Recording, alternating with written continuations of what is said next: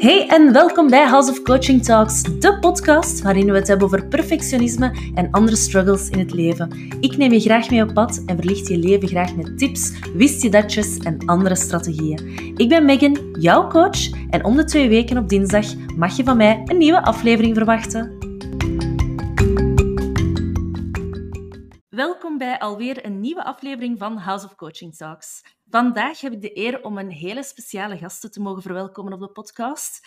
Iemand waar ik zelf al onnoemelijk veel van geleerd heb en die toch wel het een en ander al verwezenlijkt heeft. In de jaren tachtig runde ze haar eigen selectiebureau voor ingenieurs en daar viel haar tijdens de gesprekken iets merkwaardigs op. Het viel er namelijk op dat de kandidaten industrieel ingenieur als kind één voor één graag met Meccano of met uh, Lego speelden. En aan dat inzicht wijden ze later ook haar levenswerk. En zo ontstond ook na veel onderzoek de kerntalentenmethode. Ze richtte een organisatie op waarbij ze zelf analyses maakten, maar ook andere analyse, of analisten liever opleiden, waarvan ik zelf ook eentje ben. En ze schreef verschillende boeken, zoals Bekend Talent, um, zoals Krachtig met Kerntalenten. En vandaag is ze te gast bij House of Coaching Talks. En ik heb het over niemand minder dan Danielle Krekels. Welkom, Danielle. Goedemorgen, Megan. Goedemorgen. Uh, blij dat jij hier vandaag bent in, uh, in mijn podcast. En toen ik het u gevraagd had, heb je niet zo lang moeten nadenken om ja te zeggen. Oh nee, integendeel. Joepie, ik mag. ja. ja. ja, want dat is wel iets dat je graag doet. Vertellen en delen en, en eigenlijk je eigen levensfilosofie delen met de mensen rondom u. Um, we zullen misschien bij het begin beginnen. Hè. Um, mm je bent de oprichter, de bezielster van de kerntalentenmethode. Mm In de jaren tachtig al. Hè. We gaan mhm. een groot stuk terug in de tijd. Mm Kunt je mij misschien vertellen waar of hoe dat het ooit ontstaan is? En misschien belangrijk ook voor de luisteraars, wie dat er nog nooit van gehoord heeft. Want die mhm. zijn er misschien ook wel. Um, wat is de kerntalentenmethode? Ja, oké. Okay. Dankjewel. Ik ga het proberen zo helder mogelijk toe te lichten. Um, ik was 25 jaar en ik had een eigen engineeringbureau en twee jaar later ook een ingenieursselectiebureau. En ik had nog geen verdere verplichtingen, dus ik was, ik was niet getrouwd, ik had geen kinderen en ik werkte heel graag en heel veel. En wat ik heel leuk vond, was ingenieurs interviewen en te weten komen wat die mensen eigenlijk dreef. We spreken in de jaren 80, talentmanagement, dat bestond nog helemaal niet. Maar ik was echt geïnteresseerd in de mens achter de ingenieur. Dus ik luisterde gemakkelijk twee, drie, soms zelfs vier uur naar ingenieurs. En dat was iets dat, ja, dat werd eigenlijk niet gedaan. HR-managers die gaan niet drie, vier, vijf uur naar een ingenieur luisteren, want die vinden dat die nogal kunnen zagen. Maar ik vond dat niet. Ik vond dat super boeiend. En ik was natuurlijk zelf geen ingenieur, dus ik wilde daar ook heel veel van leren. En plots, op een gegeven moment, merkte ik dat er heel veel ingenieurs eigenlijk zeiden van Goh, Daniel, als kind was ik ook al zo. Als kind speelde ik met Lego en Meccano. Of met autootjes en treintjes. Of ik ging heel graag shotten. Of ik speelde graag Monopoly. En nadat zo een paar tientallen, misschien honderden keren gehoord te hebben, dacht ik van, aha, zou het misschien kunnen dat een kind niet creatief wordt door met Lego te spelen, maar graag met Lego speelt omdat het al creatief is, omdat die creativiteit er al in zit eigenlijk. Um, dat was een aha-erlevenis, maar het is niet omdat je denkt dat dat zo is, dat dat juist is natuurlijk. En dan ben ik eigenlijk een, een dikke 15 jaar ben ik bezig geweest met elke ingenieur te vragen, wat deed jij graag als kind? En er tekenden zich echt heel duidelijke verschillen af tussen ja, de industriële ingenieurs die in productie zaten, of die in onderhoud zaten, of die in engineering zaten, of wat dan ook. En de burgerlijke ingenieurs die meer ja, op strategisch niveau, op tactisch niveau, leidinggevend niveau, of meer op engineering inderdaad ook weer zaten. We zagen daar allemaal wel duidelijke verschillen in, ook naar een kinderspeelgoed. Er waren overlappen, Absoluut. De meeste ingenieurs hebben graag met auto's of treintjes gespeeld. Maar bijvoorbeeld de Lego en de Meccano, die vind je voor 99,9% bij de industriële ingenieurs terug, maar maar voor 70%, 70, 80% bij de burgerlijke ingenieurs. Er is ook zo'n grapje dat bij de ingenieurs de ronde doet. Een industriële ingenieur die bouwt een brug, ze blijft staan, maar hij weet niet waarom. En een burgerlijke ingenieur bouwt een brug, Ze stort in, maar hij weet waarom. En dat is zo een, een, een grapje, een running gag met ingenieurs om te zeggen van de industriële ingenieurs zijn de praktische en de burgeringenieurs zijn meer de theoretische. Maar we zagen dat wel terug in dat favoriet kinderspeelgoed. Dus daar was echt wel iets uh, voor te zeggen. Nu, ik heb dan het geluk gehad om dat inderdaad uh, te kunnen uitvlooien. En ik heb het zelfs wereldwijd kunnen doen. Ik werkte als Belgische uh, National Contact Point voor de coördinatie van um, research and development projecten voor de Europese Commissie.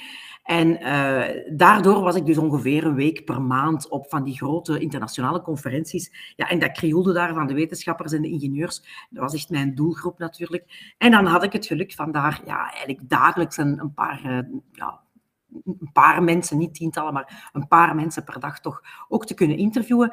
En dat waren dan ja, Chinezen of Brazilianen of Amerikanen of Zuid-Afrika, van over heel de wereld.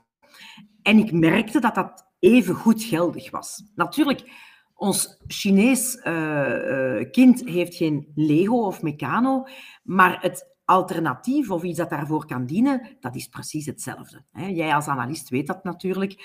Als een kind geen autootje heeft, ja, dan pakt hij een takje van de boom en die zegt vrom, vrom, vrom en die speelt met een autootje. En een ander kind dat geen uh, kleurpotloden of viltstiften of, of, of verf of, uh, of zoiets heeft, ja, die pakt datzelfde takje van de boom en die maakt een mooie tekening in het zand. En nog een ander hè, die, uh, die, geen, die een hijskraan wil bouwen en geen Lego of Meccano heeft, ja, die pakt alweer hè, hetzelfde takje van een boom en die begint daar een hijskraan mee te construeren. Dus eigenlijk is het niet het speelgoed aan zich dat eigenlijk bepaalt welk kerntalent dat erachter zit, maar uh, wat een kind met wat er voorhanden is eigenlijk doet en ook heel graag doet. Dus dat favoriet kinderspel verraadt als het, uh, als het ware jouw aard, dus jouw karakter, jouw, een stuk van jouw persoonlijkheid, plus jouw potentieel, wat je zou kunnen mits opleiding en of oefening. Hè, want het kunnen, hè, dat vergt inderdaad ook studie en of veel ervaring. En het laatste is dan die intrinsieke motivatie. Het is gewoon vanuit zichzelf omdat hij dat leuk vindt. Niet omdat hij daarvoor betaald wordt of omdat hij anders van de zweep krijgt. Nee, gewoon omdat hij dat uit zichzelf leuk vindt. En dat is dan ook meteen de definitie geworden van kerntalenten. Dus kerntalenten zijn niet hetzelfde als talenten. Talenten is iets dat je heel goed kan. Hè een wiskundetalent of een tennistalent. Die kunnen heel goed wiskunde, die kunnen heel goed tennissen. Maar dat zegt nog niks over hun intrinsieke motivatie. Men zegt wel van, als je het heel goed kunt, dan doe je dat ook heel graag. Dat is niet altijd waar. Ik kan mhm. fantastisch poetsen. Als ik poets, ik ben een perfectionist, hè, dat weet je. Als ik poets, dan ga ik zelfs de onderkant van de tafels meenemen en in de hoekjes schoonmaken. Maar ik doe dat niet graag. Ik doe het echt niet graag. Ja. En dat heeft ook te maken met het volledige beeld van je kerntalentenconstellatie. Want je hebt niet één kerntalent. Je hebt er 23. Sowieso. Iedereen heeft 23 kerntalenten. In heel hoge mate of in heel kleine mate. Wij noemen dat sterke kerntalenten, of halve kerntalenten, of kleine kerntalenten. Maar iedereen heeft ze. Alle 23. Ja.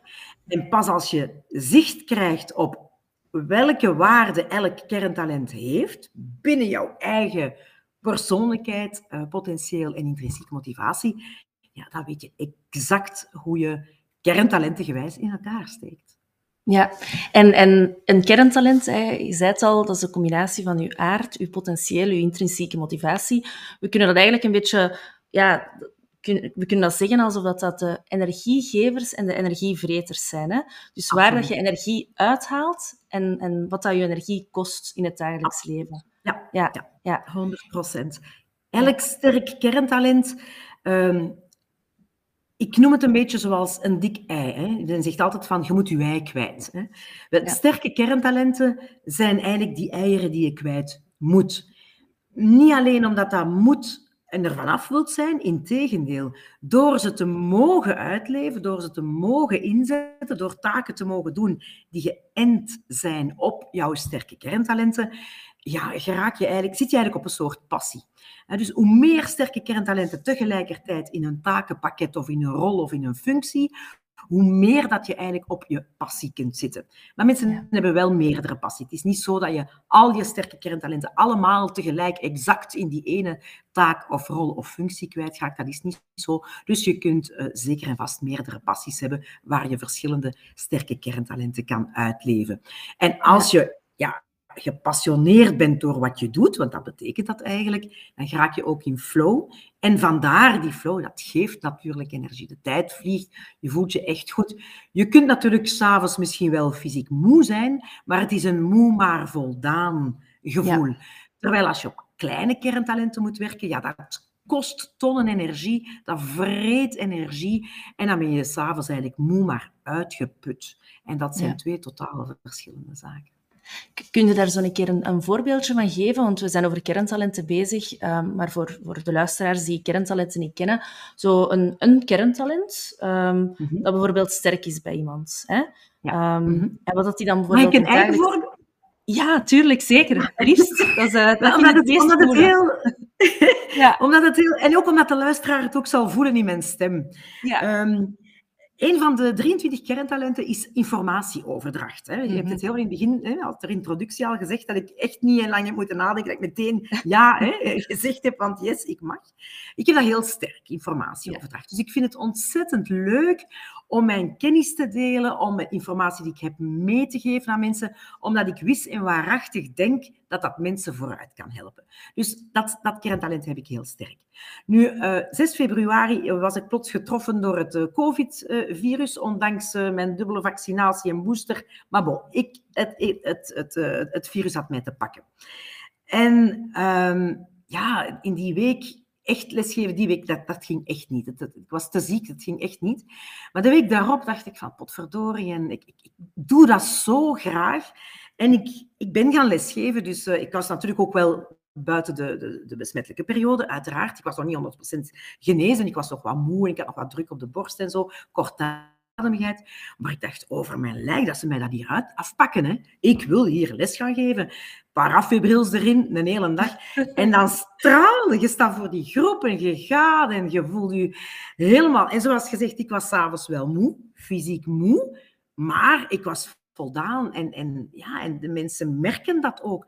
Want je bent, en dat is ook heel belangrijk, als je naar je kerntalentenconstellatie leeft, dus als je ze allemaal kent en je neemt die keuzes, hè, die passen bij jouw sterke kerntalenten, dan ben je ontzettend authentiek. Dus ik hoef hier geen komedie te spelen. De luisteraar zal het zelfs voelen in mijn stem dat ik dat hier met volle plezier doe. En dat ondersteunt eigenlijk die authenticiteit. Bij jou is dat trouwens ook zo, hè, Ik heb ook een sterke informatieoverdracht. ja, ik weet ook, ja. ik heb hier een podcast. Je hebt zelf ook een podcast. Hè? Um, hoe heet de podcast? Misschien uh, Krachtig kiezen op je kerntalenten. Voilà, krachtig kiezen op je kerntalenten. Uh, dus voor wie dat graag eens wilt gaan luisteren. Um, en ja, inderdaad, zo'n podcast dat is eigenlijk het mooiste voorbeeld hè, van, van iemand dat een sterke informatieoverdracht heeft. Um, waar ik vaak al over nagedacht heb, is bijvoorbeeld nu, vandaag, op, op social media.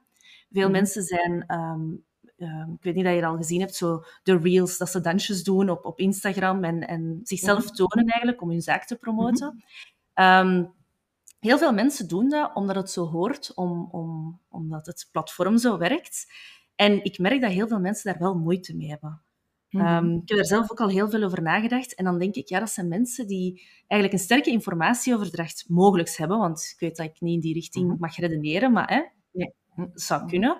Um, maar dat eigenlijk een ander kerntalent, uh, show en entertainment, dat dat mankeren. Dat eigenlijk mhm. het niet zo fijn vinden om in de picture te gaan staan om gezien te worden, maar wel nood hebben om, om die uitleg te geven. Ja, Kun je daar iets absoluut. meer over vertellen? Ja, zeker. Er zijn eigenlijk drie kerntalenten die te maken hebben met naar buiten treden. Dus hè, ik toon mij aan de wereld. Het eerste is die informatieoverdracht, daar hebben we het er juist al mhm. over gehad. Het tweede is verkopen en overtuigen. Dat zijn mensen die er echt op kikken om je zover te krijgen dat je hen gelooft, dat, dat, dat ze je overtuigd kunnen krijgen. Dus typisch voorbeeld zijn verkopers. En uh, het laatste, uh, het derde kerntalent van die, van, van die drieling, want dat is eigenlijk een drieling van kerntalenten, is dus inderdaad, zoals je zei, uh, show en entertainment. Nu, je hebt mensen die veel show en entertainment hebben, maar weinig informatieoverdracht of, of, of, uh, of overtuiging. En dan wil dat zeggen, je gaat veel show krijgen, maar er gaat niet veel informatie in zitten. Hè? Ja. Omgekeerd, je kan hè, heel veel informatieoverdracht hebben en weinig show en entertainment, en dan krijg je eigenlijk een saaie juf of meester. Hè? Laten we ja. ons het maar gewoon heel eerlijk zo zeggen. We hebben ze allemaal op school gehad, de saaie juffen of meesters. Hè? En dan heb je natuurlijk ook die de combinatie hebben. Uh, uh, bijvoorbeeld een sterke show en entertainment en een sterke uh, informatieoverdracht. En dat is bij mij het geval. Dus als ik voor de... Trouwens, je hebt les van mij gehad, dus je weet het. Ja. dat was een halve stand-up comedy soms. Hè. Uh, maar dan krijg je de combinatie van ja, die inhoud, die informatieoverdracht, die, die kennis die ik wil delen, maar ik doe dat met heel veel oog voor het effect van het publiek. En ik wil dat dat publiek geëntertained wordt, dat die dat plezant vinden, dat die dat tof vinden. Maar zoals alle kerntalenten en zoals met alles in het leven, is er ook altijd een keerzijde aan de medaille. Dus je kan uh, met een sterk show- en entertainment uh, kerntalent, is het heel erg leuk dat je die aandacht hebt, dat je in de picture staat, dat je letterlijk gezien wordt. Die mensen hebben ook extra behoefte om graag hè, gezien te worden. Jij weet dat als, uh, als analist dat dat daarachter zit. Maar dat betekent ook dat daar een stukje faalangst bij kan kijken. Want stel je voor dat je iets doet dat niet goed aanslaat en waardoor je dus eigenlijk het, de appreciatie, de liefde van je publiek, eh, als het ware, zou verliezen. En dat maakt dat die mensen soms wel kunnen geplaagd worden door, uh, door faalangst. En dan denk ik aan ja, jouw podcast rond perfectionisme bijvoorbeeld. Mensen die van nature al perfectionist zijn, hè, sterke kerntalenten bezitten waar veel oog voor detail hè, in zit. Hè. We hebben er mhm. zo een viertal. Als je die sterke kerntalenten hebt, ja, dan ben je een natuurlijke perfectionist. Maar daarbovenop kunnen andere kerntalenten nog voor een laagje uh, faalangst zorgen. Je, je weet dat, je kent dat uh, vanuit onze methode. In mijn boek beschrijf ik het trouwens ook heel uitgebreid. Ja, ja. hoe dat werkt. In uh, Krachtig met kerntalenten, hè? Ja, in mijn laatste boek Krachtig met kerntalenten wordt dat uitgebreid besproken. Ja, ja. ja want um, heel veel mensen dat ik, dat ik bij mij krijg ook... Um, ja, ik ben ook perfectionismecoach, dus heel vaak komen er vrij perfectionistische mensen bij mij aankloppen, ja. um, die dan ook een kerntalentanalyse eerst doen. Waar dat we dan mee mhm. doen om te kijken van, ja, wat zit er daar? Wat zit er daar mm -hmm. van natuurlijk perfectionisme? Ja. En die vier kerntalenten waarover dat je spreekt, die, die komen dan naar boven. Ja. Um, maar natuurlijk, perfectionisme is iets positiefs. Hè? Ja. Um, dat, is iets, ja, dat zijn dingen waar dat je energie van krijgt, waar dat je um, ja, het, het leuk vinden om met details bezig te zijn. Dat geeft energie. Absoluut. Maar dat aangeleerd perfectionisme, wat dan mogelijk in andere kerntalenten ook zit, zoals die faalangst dat, uh, ja. naar boven kan komen, dat zit dan in andere kerntalenten. En dat is dan een laagje waarover dat je spreekt, dat Absoluut. over dat natuurlijk perfectionisme ligt. Ja. Um, zijn er bepaalde um, Allee, ja, we hebben het er al een stukje over gehad, zoals die, die show en entertainment. Hè? Mm -hmm. Daar zit, dat, zit het nog andere kerntalenten? Ja, er is er nog één ander en dat is wat wij noemen het strategisch inzicht en lange termijn denken. Dus dat is een kerntalent uh, dat, uh, ja, mensen die dat sterk hebben, die hebben er behoefte aan om uh, impact te hebben, om, om, om, een stukje macht in de zin van verantwoordelijkheid met toestemming. Hè. Dus dat hoeft zeker geen machtsmisbruik daar moet je altijd enorm mee oppassen als je die termen gebruikt. Uh, maar dus verantwoordelijkheid met, met, met toestemming uh, willen opnemen, die ook wel behoefte aan controle hebben. Die zijn bang om dingen niet meer te kunnen controleren, hè, want dan ontsnapt dat eigenlijk aan, aan hun, aan hun ja, overzicht en aan wat ze willen doen op lange termijn.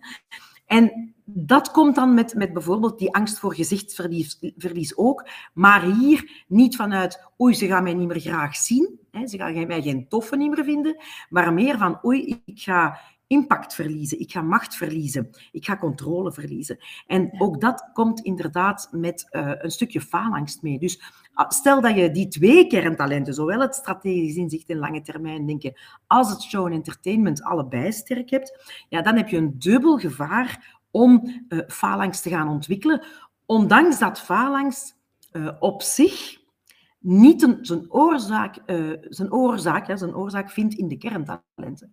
Dus mensen hebben hun kerntalenten. Als zij in hun kracht staan en zij hebben zelfvertrouwen en ze gaan er gezond mee om en ze evolueren en groeien en ontwikkelen positief, dan is daar geen enkel probleem. Maar als ze te weinig zelfvertrouwen krijgen en ze zijn te veel afhankelijk van de mening van anderen, of ze menen vooral te moeten doen wat dat andere mensen, of wat dat zij denken dat andere mensen vinden dat zij zouden moeten doen, en nogal wat mensen lijden daaronder, vrouwen zelfs nog meer dan mannen, dat weten we. Mhm.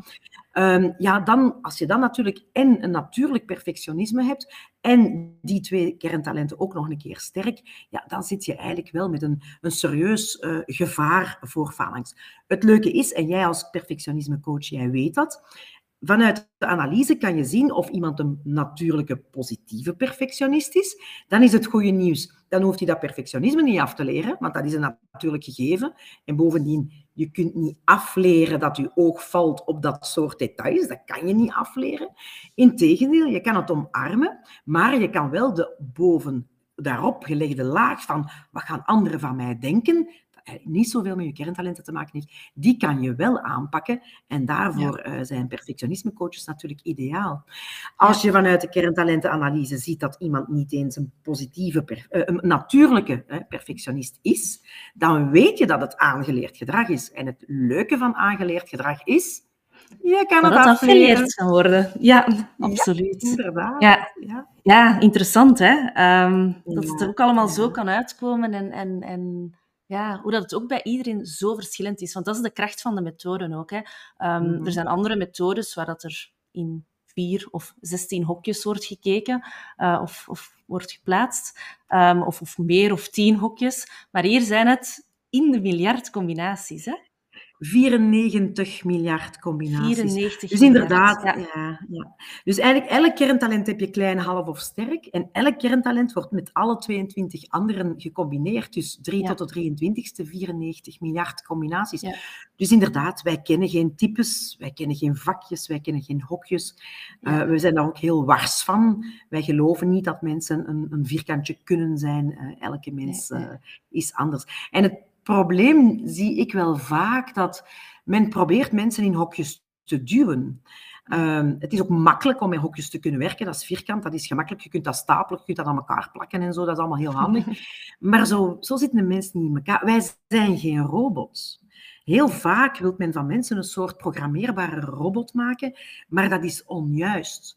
Zelfs als je probeert om jezelf te veranderen, een paar trekjes die je hebt of een stukje karakter dat je zegt, daar ben ik niet blij mee, en je probeert dat te veranderen, ja, daar ben je ongelooflijk lang en intensief mee bezig. En de kans dat het er op een onbewaakt moment, hè, tijdens een stresssituatie bijvoorbeeld, toch weer naar boven popt, is 100%. Je kunt jezelf niet veranderen. Vanuit de hersenwetenschappen weten we uh, dat 80% van jouw talent al vast ligt bij de geboorte. Je kunt dus eigenlijk maar voor 20 procent uh, die, uh, die plasticiteit van het brein eigenlijk gaan toepassen. En dan nog, hè, als we uh, daarover spreken, dan zien we dat die plasticiteit heel veel te maken heeft met ofwel zeer lang en zeer intensief oefenen, wat prima is, ik heb daar niks op tegen, maar ik vraag me wel af, waarom zou je heel lang en heel intensief oefenen op een klein kerntalent en waarom zou je diezelfde eh, energie en tijd niet stoppen in een sterk kerntalent. Want dat past bij jou, je hebt er potentieel voor en je vindt het nog leuk ook, want het is vanuit intrinsieke motivatie. Dus vandaar dat ik altijd zeg, stop met ja, het proberen van, van je bent een appel of je bent een peer of wat dan ook wel. Steek die energie dan in het worden van de beste appel die je kan zijn. Die, die grote, lekkere, dikke, sappige, zoete, knapperige appel.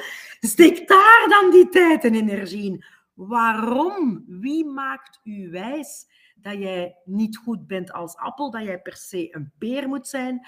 En om wat te doen? Na 10.000 uren erachter te komen dat je eigenlijk maar een halve peer bent? Als jij, als jij een, een, een, fruitsalade wilt maken en je gaat naar de Deleuze, dan kies je de mooiste appelen, de mooiste peren, de mooiste bananen, de mooiste perziken, al dat fruit dat daar ligt. Jij pakt niet dat, dat, dat, dat zielig half verrot bruin peertje mee. Nee, jij pakt die mooie grote groene knapperige, lekkere, sappige peren mee. Dus ja. dat is eigenlijk, dat is misschien nog wel de belangrijkste boodschap die ik eh, met mijn methode wil geven. Van, Eén, weet wie je bent. En daarvoor is, hè, dat weet je zelf, een kerntalentanalyse, dat is baf. Ja, je hebt een zeer compleet genuanceerd beeld op hoe je helemaal in elkaar zit. En dan kan je eigenlijk beginnen te worden wie je bent, jezelf volledig te ontwikkelen. Het is niet omdat je kerntalenten kent dat je klaar bent. Hè. Integendeel, hè. het is het begin van, van je journey. En uh, als ik een, uh, een analyseverslag doorstuur naar mijn analyses, dan staat er altijd in de begeleidende mail: het doel is op je 126e doodgaan met al je sterke kerntalenten vervuld, klaar om te sterven. Alles is ontwikkeld, alles is klaar. Ik heb ervan gemaakt wat ervan te maken viel. En dat is wat mensen plezier doet, energie geeft, blij maakt. Dat is eigenlijk de zin van je leven. Mm -hmm. Ja, want je zei er juist... Jezelf worden. Ja, ja ah, wel, word wie je bent, zeg je daar juist. Ik heb het opgeschreven, want ik vond het zo'n mooi zinnetje. Um, want daarover gaat het echt. Hè. Um, als ik naar mezelf kijk ook, ik heb zo, en ik denk dat dat voor veel mensen dat zich daarin kunnen herkennen met de corona ook, met zo'n periode dat alles terug stilvalt en opeens moet je het gaan doen met wat dat je hebt en je leven anders gaan inrichten. En ik denk dat dat voor heel veel mensen zo geweest is, en bij mij ook. Uh, nu niet per se voor corona, bij mij was het er vooral. Maar dat ik mhm. merkte van, ik ben hier, er is iets aan het wringen, ik weet niet wat. Mhm. Mhm. En, en ik, ik ben hier aan het leven volgens de blik van een ander of zo. Ehm, ook een stukje conditionering, opvoeding, um, wat dat uw, uw, vrienden van u verwachten, wat dat uw familie van u verwacht, uw schoonfamilie van u verwacht. En, en door die kerntalentenmethode uh, begrijp je ook beter wie dat je bent en kun je daarnaar gaan leven. Uh, heel die conditionering eraf halen en terug mm leven volgens, volgens, wie dat je bent. Ik had bijvoorbeeld zelf... Um, ik heb, als ik een hele drukke dag heb, dan... Mm -hmm. Mijn man die gaat uh, naar buiten en die gaat een pint drinken met zijn vrienden. Mhm. En bij mij is dat stil in de zetel gaan liggen en niks meer doen, niet meer bewegen. En door de mhm. kerntalentmethode heb ik ook ontdekt van, ah ja, dat is eigenlijk niet zo logisch dat ik dat heel de tijd aanvoelde, maar ik was er altijd aan het wegdrukken. Ik dacht, nee, nee, Megan, ga naar buiten, want zo hoort het. Je moet leuke dingen doen om er terug in te geraken. Ja. En eigenlijk door te beseffen, um, er zijn een, een, zestal kerntalenten waar dat er mentale ruimte in zit. Absoluut. Um, ik heb die alle zes, dus ik heb enorm veel mentale, ruimte. mentale ruimte. Ja. Ja. en eigenlijk op het moment dat ik helemaal ja, gestrest ben of een hele zware dag heb gehad, wat doe ik dan? Ik ga mij afzonderen en ik ga even opladen op mezelf.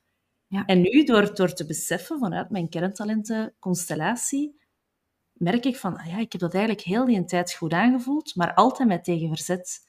Ja. En nu, door dat actief in te zetten, door eigenlijk te leven volgens mijn kerntalenten, mhm.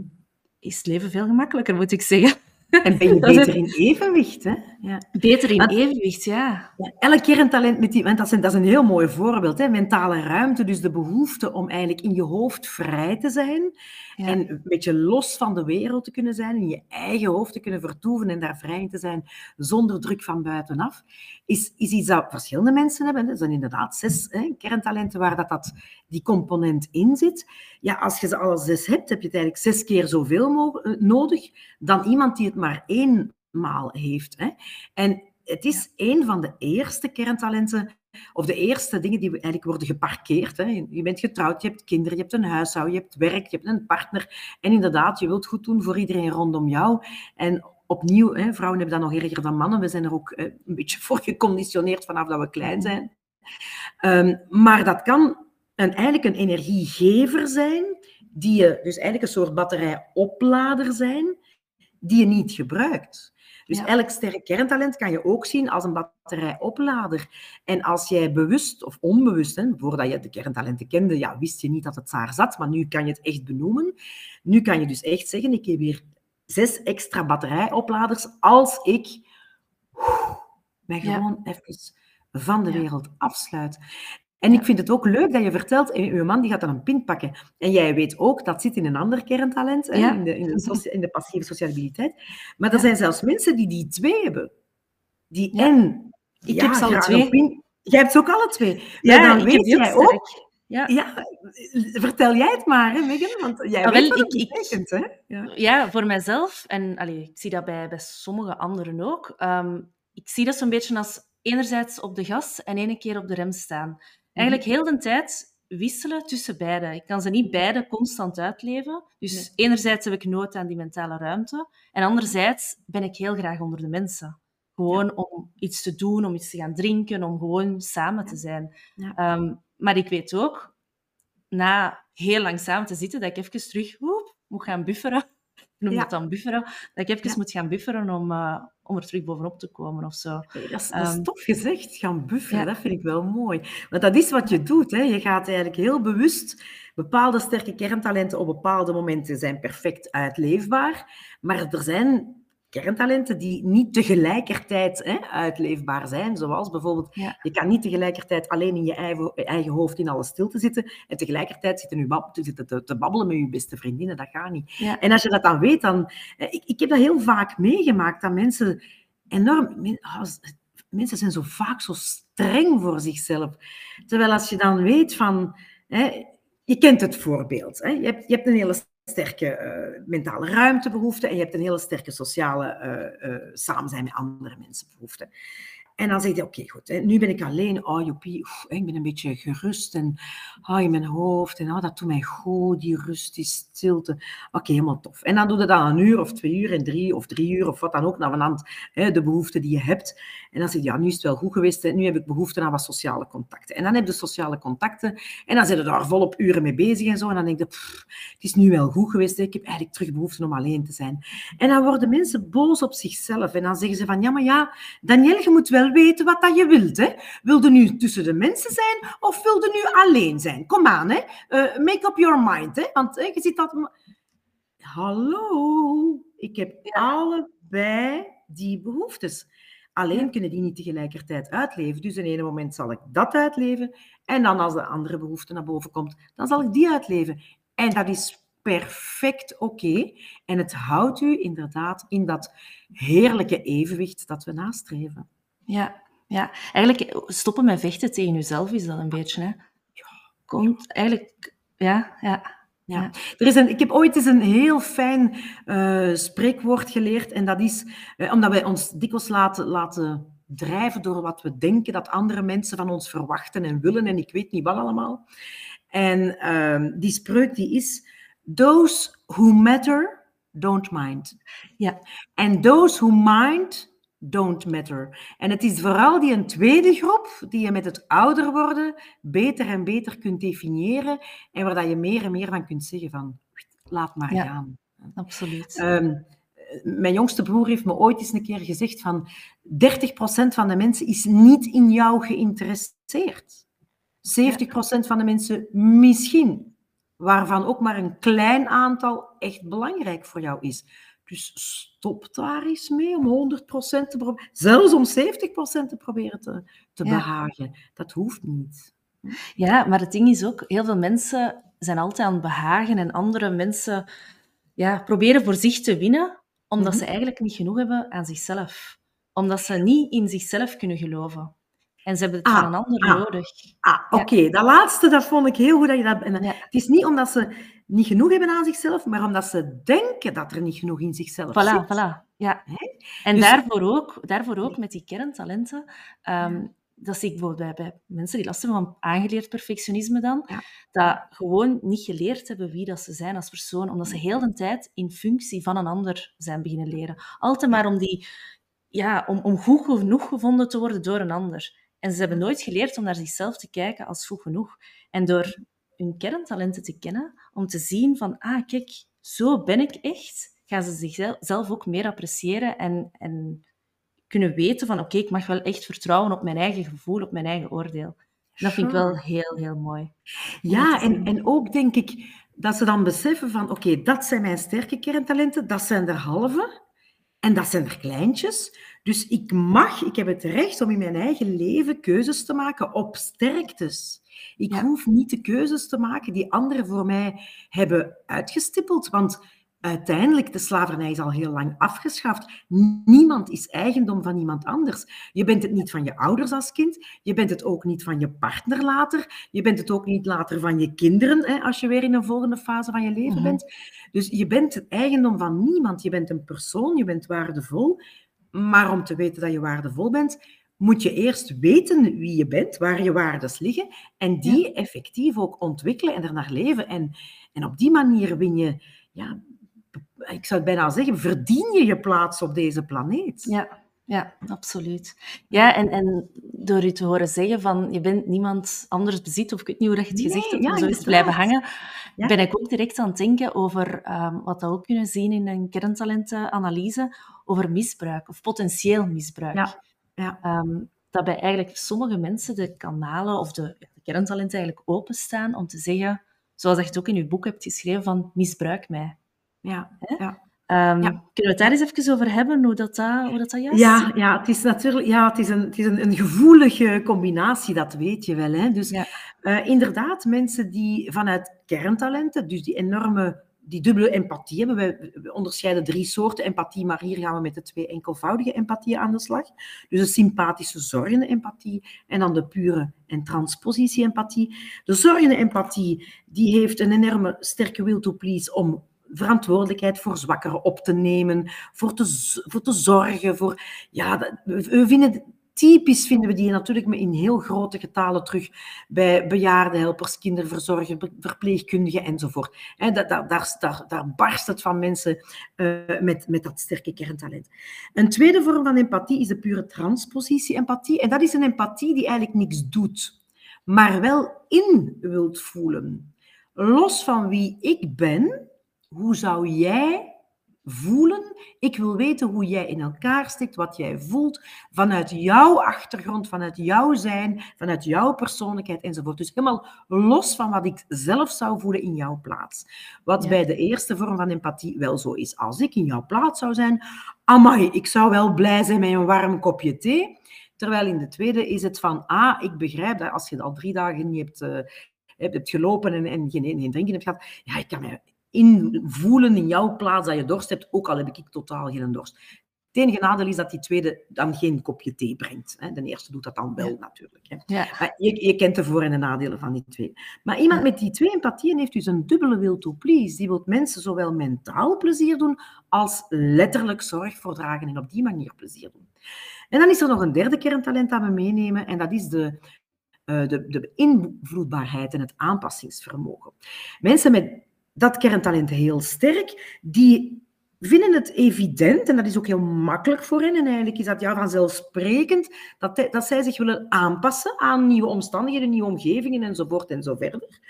Maar dat kan natuurlijk, als je dat combineert met die twee andere, hè, die, die will to please, u laten beïnvloeden, aanpassen aan andere mensen en eh, die enorme hè, dubbele will to please hebben, dan heb je op je voorhoofd letterlijk staan, hè, of figuurlijk beter gezegd, staan, Mhm. misbruik mij, want je bent klaar om je aan te passen, je bent klaar om voor die ander alles te doen en te starten vanuit wat dat die persoon zelf invoelt, zelfs nog los van hoe je zelf eh, zou zijn of denken in die zijn plaats. Dus dat is een zeer gevaarlijke combinatie. Nu, gelukkig, daar zijn twee andere kerntalenten. Hè. De, de structuur en tactiek is een rationeel kerntalent. Dat doet nadenken. We gaan berekend en beredeneerd te werk. Binnen de grenzen van de middelen, tijd, geld, eh, mensen, machines enzovoort, kunnen we dat allemaal hè, netjes organiseren. Dat is dat eerste kerntalent. Dat doet nadenken. Hm? En het andere kerntalent is opnieuw die strategie en lange termijn, waar we het er straks over hebben gehad. Die mensen gaan ook berekenen te werk. Wacht, als ik ja zeg tegen wat jij aan mij vraagt, betekent het dat dat en dat en dat consequenties zijn. Oei, nee, die consequenties wil ik niet, want die passen niet bij mijn lange termijn doel, hè, vanuit de strategie. Uh, dus ik zeg nee. Mensen die die twee kerntalenten klein hebben, dus niet sterk hebben, die hebben de reflex niet om daarover na te denken. Dus die staan niet stil bij de consequenties van hun aanpassing en hun please. En die worden gewoon misbruikt. Die kans dat die worden misbruikt met, met, met slecht menende mensen is gigantisch groot. Mm -hmm. En die moeten eigenlijk iemand inschakelen om hen te behoeden om, uh, om misbruikt te worden. Ja. ja. jammer genoeg zie je ook wel in, in de praktijk. Ik heb het al meegemaakt, toch? Um, dergelijke profielen, dat een zeer narcistische partner hebben ook. Ja, en dat, dat er effectief... Ook, ja, als, jij een narci- als jij een narcist bent, dan is dat een ideale partner voor u, hè? Ah ja. Ja. Ah, ja. ja. Die persoon die wil alles voor u doen, die kijkt naar u op, die wil zich aanpassen aan u. En jij kunt daar continu controle, want hè, de narcisten, ja. dat zijn eigenlijk de combinatie van de, ook weer strategie lange termijn denken, mm-hmm. Die langs de ene kant, ja, alles komt met, met voor en, hè, er zijn altijd twee kanten van de medaille. Ja. Dus dat, de- plus die behoefte aan show en entertainment, die willen, in, die willen continu gevleid in het middelpunt van de belangstelling staan en macht en controle hebben. Dus Ja. dat zijn ideale, eh, eh, die- dat zijn ideale mensen. Voor, dat soort, ja. En vergeet ook niet in het begin van zo'n relatie, die liefde, die verliefdheid van beide kanten is gigantisch sterk. Hè? Mhm. Dat die, die, die, diegene die misbruik mij heeft, ja, die... Wauw, zo'n zo'n zo'n zo'n gast of zo'n vrouw die zoveel aandacht voor u heeft en Ja. wauw, en die voor u wilt zorgen en die, die, voor, die, die u behoedt vooral voor, voor de slechteriken in de, an- andere slechteriken in de wereld. Ja. En omgekeerd. Ja. Op lange termijn ja, kan zeer, zeer gevaarlijk zijn. Ja, ja, ja. Ja, en, en over eh, ja, narcisme, dat is zo nog een, een stukje, nog een beetje een grijs veld. eh, algemeen in, in onderzoek, in, in wetenschappelijk Mhm, onderzoek. Ehm, maar bijvoorbeeld zoals psychopathie, dat is wel zoiets dat, dat in de hersenen kan gezien worden. en ehm, je hebt daarvoor samengewerkt met eh Dick Swaap, Ja. Wetenschapper, of hersenchirurg, ik weet niet hoe ik het juist moet zeggen. Ja. Hersen- hersenwetenschapper, hij is geen Hersen- chirurg. Hij is Ah, hersenwetenschapper. hersenwetenschapper, Hij is, ja. hij is eh, arts, molecu- mele- moleculair eh, bioloog en hersenwetenschapper. Ja, ja, Hij is ook de, de, de stichter van de hersenbank in Ne- Nederland. Hij is, heeft die opgericht. Ja. Eh, wereldwijd is dat, goh, ik weet niet, top drie, top vijf misschien, op gebied van hersenwetenschappen. Ja. Oké. En, en ehm, die heeft ook, ehm, allee, je, je kent die vrij goed, of zelfs heel goed, denk ik. Ehm, je hebt daar ook al verschillende keren mee samengewerkt, ook voor de kerntalenten. Ehm, over psychopathie hebben jullie het ook gehad? Dat dat ook eigenlijk uit de Eh, kerntalenten... Ja, wij kunnen het, zij kunnen het in de, in de hersenwetenschappen, kunnen zij dus inderdaad aan bepaalde eh, hersengebieden die groter of kleiner zijn. Ik ken het niet van buiten hoor. Ik krijg van hem hersenles, eh, een uurtje per week, maar het is Ja. zo complex en zoveel en ik ben eigenlijk denk ik ondertussen al iets te oud. Mijn kaas van boven, mijn hersenen al te veel gaten om het nog allemaal goed op te vangen. Maar goed, het is wel superboeiend. Dus Ja. vanuit, inderdaad, vanuit de hersenwetenschap kan men het zien, hè, dus vanuit de eh, bepaalde hersengebieden die groter of kleiner zijn enzovoort. Dus dat men zegt, ja oké, dat is blijkbaar een, een brein, een psychopathisch brein.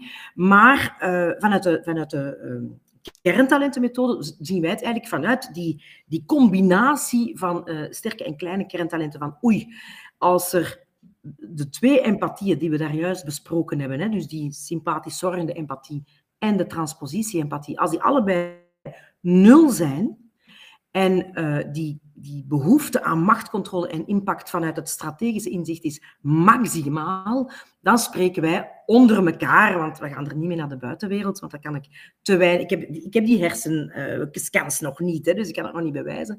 Maar dan spreken we wel van mogelijke psychopathie. Nu, psychopaten betekent nog niet dat die mensen ehm, misdadigers zijn. Dat vind ik heel belangrijk. Mhm. Een heel beroemde, weten, wereldwijd bekende onderzoeker naar psychopathie is bijvoorbeeld James Fallon. Mhm. En James Fallon heeft een boek geschreven over psychopathie. Ehm, en ehm, nee, over, over empathie en psychopathie. En op een gegeven moment, dus hij, hij, hij, hij liet eh, fMRI's maken van, eh, van psychopathische breinen, zoals dat dan heet, maar ook van controlegroepen. En zijn eigen brein zat daar ook ergens tussen. En op een dag is hij dus eh, onderzoek aan het doen en zit door de, door, de, door microscoop te kijken. En op een gegeven moment ziet hij mijn brein en zegt, oei, dat is wel een heel zwaar psychopathisch brein. Het was dat van hem. Ehm, zijn medewerkers hadden het tussen de controlegroep bij hem gestopt. Maar hij is wel een van de wereldwijde toponderzoekers. en zijn onderzoek doet misschien veel meer goed voor de mensheid dan iemand die, ja, bij wijze van spreken, elke dag één kopje thee brengt aan iemand die dorst heeft. En dat bedoel ik daar helemaal niet negatief voor. Integendeel, ik wil alleen zeggen van, ehm, het is niet omdat je een bepaald brein hebt dat je daarom ook per definitie dat dat ook negatief is.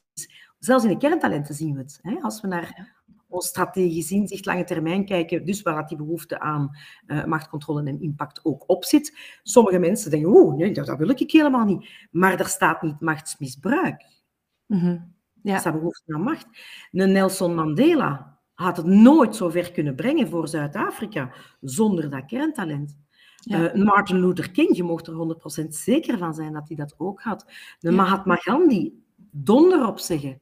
En natuurlijk de omgekeerde kant ook. Een Trump zal het ook wel hebben. En je mag rusten dat Poetin het ook heeft. Hè.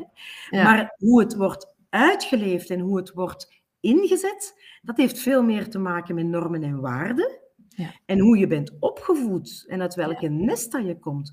Dus kerntalenten, ja, dat is een gegeven. Een beetje zoals hè, blauwe ogen. Je gaat daar ook niet aan zitten te koteren om dat te veranderen. Maar we gaan wel proberen om die kerntalenten... Allee, we hopen vanuit de omringende hè, eh, ouders, eh, scholen, begeleiders, coaches enzovoort. We gaan mensen helpen en ondersteunen om die kerntalenten op een positieve manier te ontwikkelen. En zoals Aristoteles al zei, op het kruispunt van jouw talenten en wat de wereld nodig heeft, ja, daar ligt jouw eigen missie. Ja. En dat is dan wel leuk, want als je kerntalenten kent en je gaat dan kijken rond jou, wat heeft de wereld nodig, daarvoor kan ik die sterke kerntalenten inzetten, dan heb je dubbel, dan heb je dubbel, alleen dan, dan, dan zijn Ja. dubbel waard. Hè? En je ontwikkelt jezelf, maar je, ontwik- je doet het ook eh, voor, eh, voor de maatschappij, voor je omgeving. Ja, Ja. Dat is fantastisch als je dat kunt doen. Maar dan moet je eerst je zelfkennis hebben. Ja. ja, want waarvoor wordt de kerntalentenmethode ehm zo al ingezet? Dus ja, mensen die zichzelf vooral willen leren kennen, Ja. maar het wordt ook voor andere eh, zaken ingezet. Ja, eigenlijk een kerntalentenanalyse kan je veilig afnemen vanaf ongeveer 14 jaar. Mhm. Dus we hebben heel veel, we hebben, zoals je weet, hè, nogal wat analisten die gespecialiseerd zijn in jongeren. Eh, dat kan zijn jongeren die vastlopen of, eh, of jongeren met, met, met, een, met, een, met een rugzakje, zoals dat het dan noemen. Dus dat kan wel helpen. Maar ook natuurlijk, hè, het belangrijkste is studiekeuze. Dus eh, zo gauw je weet wat jouw sterke kerntalenten zijn, weet je welke soort studies daar wel of niet bij kunnen eh, eh, passen. Ehm, dus studiekeuze in de eerste plaats. Een beroepskeuze, een jobkeuze later ook. Hè. Bijvoorbeeld mijn kerntalent voor structuur en tactiek, jij weet dat, hè, dat is nul. Hè. Ik ben geen manager geweest. Maar mijn kerntalent voor ondernemen, voor iets van nul uit de grond te stampen, ja, dat is 100%. Dus ik ben een geboren ondernemer, maar ik ben geen manager. En dus dat soort dingen kan je meenemen als je keuzes moet maken. Voor promotie bijvoorbeeld, of voor van job te veranderen. Of ben ik geschikt om zelfstandige te worden? Of is het voor mij beter om in een veilige omgeving te komen eh, waar alles eh, is, is voor, eh, voorzien? We zien dat bijvoorbeeld bij ambtenaren, maar ook in het onderwijs, zien we dat dat kerntalent voor ondernemerschap, waar risico nemen en een heleboel stoute dingen bij zitten, hè, eh, waar, eh, waar dat heel klassiek heel klein is. Hè. Ja. Dus onze ondernemertjes eh, vanuit de kerntalentenmethode, dus niet het zakelijk financiële stuk, maar het ondernemende, echt dat dan die kar gaan trekken, de locomotief willen zijn, ja, dat zijn, die komen vaak met, met, een stukje stoutigheid. En dat wordt niet echt geapprecieerd natuurlijk hè, in, in het onderwijs. Natuurlijk ook omdat de meeste van de mensen in het onderwijs die een vaste benoeming bijvoorbeeld heel belangrijk vinden, die hebben dat kerntalent klein. En wat betekent een klein kerntalent voor ondernemen en risico's nemen? Behoefte aan veiligheid en zekerheid. Ja. Dus op die manier kan je ook altijd kijken, goed, een klein kerntalent betekent, die behoefte is er aan het tegengestelde. Als het sterk is, moet ik het kunnen uitleven. En op die manier kan je eigenlijk die, die evenwichten gaan zien. En bijvoorbeeld, ja, perfectionisme coaching. Hè. Je, je, het is een van jouw specialiteiten. Eh, ook het voorkomen van stress, burn en bore-out. Mhm. Burn-out, hè, je, je kent het heel goed. Burn-out is te lang, te veel werken op kleine kerntalenten. En er zijn natuurlijk nog een paar andere oorzaken ook, maar dat nemen we in elk geval vanuit de kerntalenten mee. En bore-out, dat is veel te weinig en eh, uw sterke kerntalenten mogen uitleven, wat dan weer leidt naar dat stuk verveling. En natuurlijk er zijn veel andere invloeden die meedoen, maar het is wel uw basis waar we altijd naar gaan Mhm. kijken. Ja, en wat Ehm. ik ook eh, al gezien heb, ehm, of al mogen doen hebben, ehm, is bij, bij relaties. En dat vind Ja. ik ook heel interessant. Mensen Ja. die eigenlijk een stukje uit elkaar aan het groeien zijn, Ja. of dat eigenlijk in conflict komen en dat ze zeggen, maar waarom is de ene zo en waarom zeg jij zo? En, en, en dat eigenlijk elkaar niet meer begrijpen. Ja. Als ze dan echt Ja. elkaar leren begrijpen vanuit die kerntalenten, dan vallen er vaak heel veel puzzelstukjes ja, in elkaar. Hè? Absoluut. Dat is, de reden, dat is de reden dat die zo reageert, dat is de reden dat die zo reageert. En, en dan leren ze elkaar terug appreciëren en kennen voor wie dat ze zijn. En kunnen ze ook beter als een team samenwerken. Hè. Ehm, Je zegt daar bijvoorbeeld van, eh, van structuur en tactiek. Bij u is die klein. Ehm, ja, dan is het interessant om, eh, om een partner bijvoorbeeld, als die die sterk heeft, om eigenlijk, oké, organiseerde jij maar, regelde jij maar. Hè, en, en dat je zo elkaar in elkaars waarde houdt of laat. Ja. En, en dingen van elkaar overneemt. Hè. Ja. Dus, uh, dat, is ook, dat is ook, in, in, mijn geval is dat ook zo. Hè. Dus mijn echtgenoot Dirk Werkendries, die, die werkt uh, sinds uh, eh, 15 jaar zeker mee in ons bedrijf. En um, ja, hij doet eigenlijk echt alles wat, wat het structurele, het financiële, het strategische. Want dat zijn van zijn sterkste kerntalenten. Ja. Dus ja, het wil niet zeggen dat ik dat nooit meer moet doen. Want het is niet zo, omdat een, klein, een kerntalent klein is, dat je dat niet kan. Maar het mhm. vergt. Het gaat tegen je natuur in. Je hebt er niet veel talent voor. En vooral, je hebt er niet veel goesting in. Dus de kans dat je daar veel mee moet... Uh, als je daar veel mee moet bezig zijn, ja, dan weet je dat dat energie kost. En dan loopt het fout. Dus eigenlijk, ja, van elkaar weten wat zijn jouw sterke kerntalenten, wat zijn jouw kleintjes. Wat zijn mijn sterke kerntalenten, wat zijn mijn kleintjes. Die halen vaak de angel uit discussies. Ja. Uh, bijvoorbeeld, mijn kerntalent voor ondernemerschap is zeer sterk. Hè, dus, en eigenlijk betekent het ook dat ik vierkant mijn goesting wil doen. Hè. Dus, regels, dat is iets waar ik mij niet aan hou. Ik, ik vind dat allemaal vervelend. Ook omdat ik geen structuur heb en ook omdat ik heel klein kerntalent heb voor uh, strategie. Maar mijn man heeft dat dus wel heel sterk. En wij werken samen, dat weet je. Dus hij heeft behoefte aan controle, macht en impact. Ook over zijn vrouw, ik dus. Terwijl mijn kerntalent zegt van, ik wil vooral vrij zijn en vierkant mijn goesting doen. Dus natuurlijk weet je dat dat af en toe leidt tot botsingen. Maar omdat wij alle twee analist zijn, kunnen wij op dat moment ook zeggen van, aha, uw 15 is met mijn 16 aan het vechten, of omgekeerd, hè, uw 16 is met mijn 15. Ik weet het, ik mag geen nummertjes gebruiken, maar wij zijn alle twee analist, dus wij gebruiken wel die nummertjes. En dan zeggen we, uw 16 is met mijn 15 aan het vechten, weet je wat, we gaan even iets eten. Omdat we dan niet het, het gevoel hebben van, het is heel Daniel die met heel Dirk aan het vechten is. Nee, op dat moment is dat stukje van Daniel met dat stukje van Dirk aan het vechten. En dat verkleint gewoon ja, de oorzaak van, van de wrijving en maakt dat het ook heel snel terug opgelost is. En het is inderdaad, er zijn, eh, er zijn heel wat koppels, er zijn zelfs koppels binnen de analist, ik weet niet of je ze kent, er zijn zelfs koppels analisten, hè, die al twee eh, analisten zijn geworden, ah, eh, en die sommigen daarvan zelf zeggen van, dankzij de kerntalentenmethode zijn wij niet gescheiden of zijn wij nog bij elkaar. Ja. ja er is er nuance hè, in, in, in discussies. En, ja. Er is er zo één koppel bij die alle twee een sterk strategisch uh, kerntalent hebben. Dus allebei behoefte aan macht, controle en impact. En die koken alle twee graag. Ja? En als die in de keuken staan, dan is dat dus altijd ruzie. Ja. En die, zeiden mij dat op een gegeven moment een keer. En ik had een heldere moment, soms heb ik heldere momenten. En ik zeg, maar mannetjes, maak gewoon een afspraak. De oneven dagen is het de een die de basis in de keuken. En de even dagen is het de andere die de basis in de keuken. En omdat dat kerntalent komt met begrip voor hiërarchie, met het aanvaarden van een, een chef die jouw chef, die, die chef is, die aanvaarden dat soort dingen. Het probleem was opgelost. Dus allee, dat, is, dat is fantastisch als je met zo'n klein inzicht mensen ja, wezenlijk gelukkiger kunt maken. Ja, absoluut. Ja, en daarover draait het ook. Hè. Om mensen gelukkiger te maken, dat ze meer ja, alles begrijpen, zichzelf begrijpen, anderen begrijpen, elkaar begrijpen, um, op, op relatievlak, in professionele context, uh, teams onderling. Uh, wel... Ik was juist aan... Ja, ja. het opschrijven, inderdaad. Het wordt veel gebruikt in teams, waarbij we dan eigenlijk vanuit Core Talents een team-DNA gaan samenstellen. Dus hoe zitten die kerntalenten van elk teamlid in elkaar? En wat betekent dat voor het volledige team, het team-DNA? En dan kan je... Uh, er is zelfs een, een van onze analisten... Allez, het, is, het werkt in een heel groot bedrijf, maar er zitten drie of vier analisten al, dat zo'n groot bedrijf is. En die hebben één keer per jaar hebben die een soort job interne uh, jobbeursje. Dus taken die worden beschreven en dingen. En dan kunnen mensen gaan, eigenlijk gaan kiezen welke taken dat ze willen oppakken en die passen bij hun eigen sterke kerntalenten. Ah, ja. Dus ja, dat, dat, natuurlijk vinden mensen dat. En dat is een IT-bedrijf. Niet makkelijk om goede mensen te vinden, maar zij kunnen nu goede mensen zowel aantrekken als houden, omdat de mensen zelf zeggen, wauw, als ik op die manier hier mag werken vanuit mijn sterke kerntalenten, ja, dan blijf ik. Hè. Dan ga ik niet voor 100 euro meer op een andere natuurlijk. Ja, ja, ja. oké. Maar ook voor voor loopbaanbegeleiding wordt het ook heel veel ingezet. Hè. Is een van de grootste loopbaancentra in, in, Vlaanderen. Meer dan 60 eh, van onze analisten zijn loopbaanbegeleider. Eh, reintegratie is ook een heel uh, belangrijke toepassing. Mhm. Of noem het op.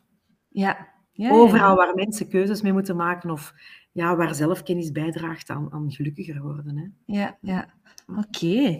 Ja, ik denk dat we al heel veel hebben. Hè? Dat we ja, ik vind het super boeiend. Ik zou kunnen uren blijven doorgaan. ja. oh, je bent er nooit over uitgepraat eigenlijk. Het is zo boeiend. Het is, ja.